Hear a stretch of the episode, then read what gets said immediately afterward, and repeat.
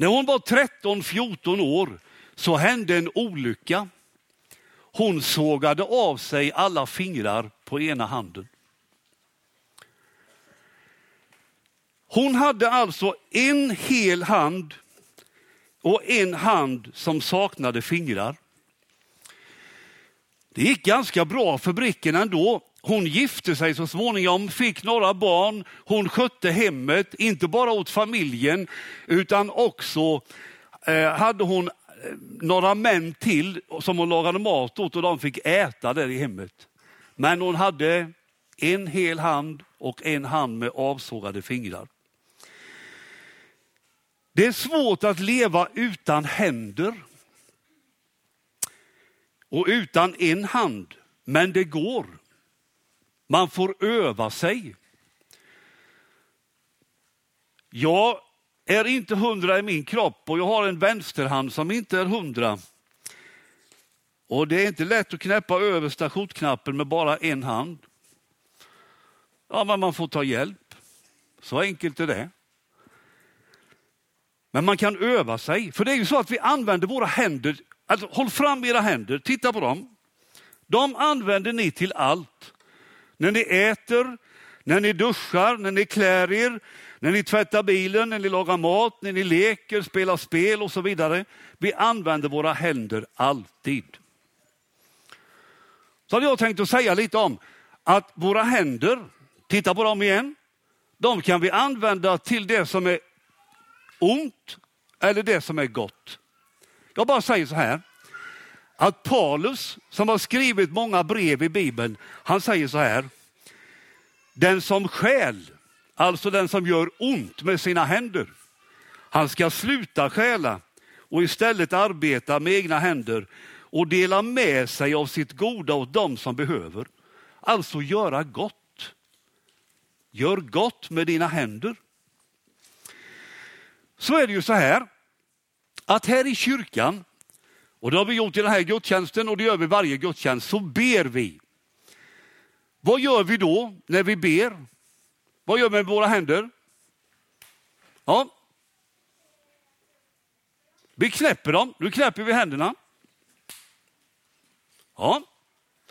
Det är bra att göra det när vi ber, för då plockar vi inte med annat. Men i Bibeln står det aldrig om att knäppa händerna. Aldrig. Däremot står det om att lyfta sina händer. Kan ni lyfta händerna? Jajamän. Man lyfter sina händer när man ber. Så står det i Bibeln, bland annat Saltaren. Sen är det så här att i våra gudstjänster här så ber vi i slutet av gudstjänsten en bön som vi kallar välsignelsen. Det ber vi om att Gud ska välsigna oss. Det betyder att vi ber att Gud ska ge oss allt gott. Då kan man använda sina händer. Då kan man göra så här. Kan du göra så här? Kan ni kupa dem så? När någon ber välsignelsen här framifrån så kan man kupa sina händer och på det sättet visar man Gud, jag tar emot din godhet i mitt liv. Använd det. Sen ska jag säga något om Jesu händer bara och Guds händer. Jag tog med mig den här.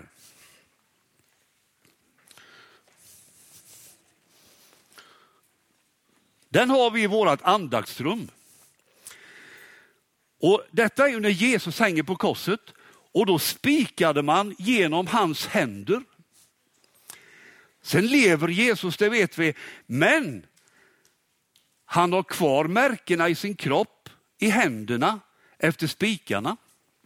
Det har han kvar. Och då tänker jag så här, att när vi ska vara tillsammans med Jesus i himlen och går där och pratar med honom eller spelar fotboll eller vad vi ska göra. När vi umgås med honom i himlen, då kommer vi alltid att se hans märken i händerna. Och då kanske vi ska tänka så här, aha, det är därför jag är här i himlen. Han har dött för mig en gång och det är tack vare de märkena i hans händer som jag är här.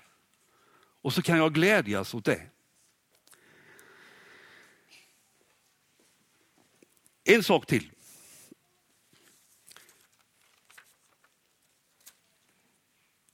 När jag riktigt ska komma ihåg en sak, då tar jag en penna och så skriver jag det i handen. Jonas Hall, du som sköter ljudet, vet du vad det står i min hand idag? Det står mick. Och ändå fick Jonas gå fram till mig. Ja.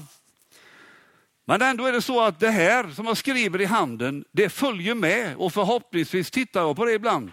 Och så kommer jag ihåg, aha, det skulle jag göra med. Den skulle jag ringa till och så vidare.